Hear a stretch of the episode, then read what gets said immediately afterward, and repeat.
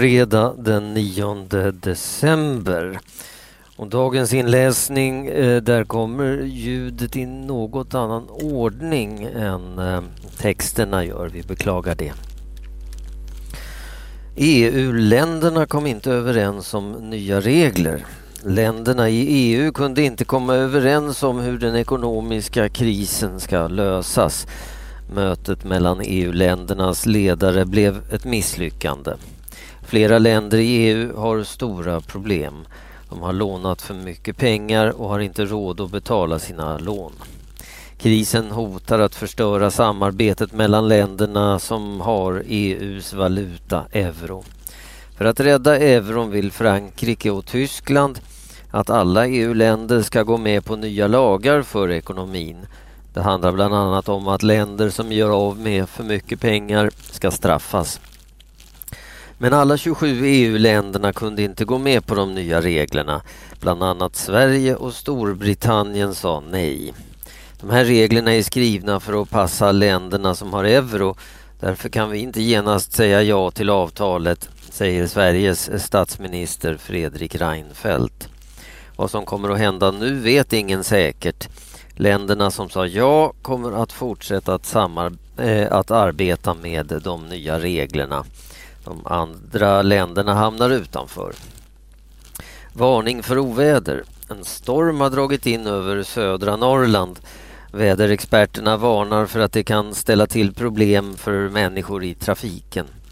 Idag kommer det troligen att falla mer snö i området samtidigt som det fortsätter att blåsa kraftigt. Det har blåst eh, kraftigt på fler platser. I Västsverige har träd blåst över vägar. Några färjeturer i södra Sverige har blivit inställda. Fler än 10 000 människor saknar el. De flesta bor i Värmland, Småland och omkring Stockholm.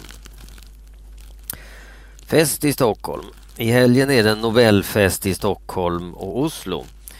I Oslo delas fredspriset ut och i Stockholms konserthus delas priserna ut i kemi, fysik, medicin, ekonomi och litteratur. På kvällen blir det stor fest i Stockholms stadshus. I år är det en svensk bland pristagarna. Författaren Thomas Tranströmer får litteraturpriset. Pristagarna har mycket att göra både dagarna före och efter prisutdelningen. De ska hålla tal, vara med på fina middagar, möta studenter och andra forskare och mycket annat. Men Thomas Tranströmer orkar inte vara med om hela programmet utan har valt ut några saker som han tycker är extra viktiga. Det kan eleverna i Stockholms förorten Rinkeby vara stolta över. Thomas Tranströmer har valt att tacka nej till middagen med kungen och drottningen men har tackat ja till att träffa eleverna i Rinkeby, skriver tidningen Dagens Nyheter. Arbetstillstånd säljs olagligt. Den som bor i ett land utanför EU och vill jobba i Sverige behöver ett arbetstillstånd. Tillståndet ska vara godkänt av en arbetsgivare och det ska stå vad personen ska jobba med. Men den som inte har ett riktigt arbetstillstånd kan köpa ett olagligt. Det rapporterar Sveriges Radios nyhetsprogram Ekot. Den som köper ett arbetstillstånd kan få betala 100 000 kronor. Sen är det inte säkert att det finns något jobb när personen kommer till Sverige. Hur många som köper ett olagligt arbetstillstånd är inte klart. Migrationsverket har svårt att få stopp på fusket.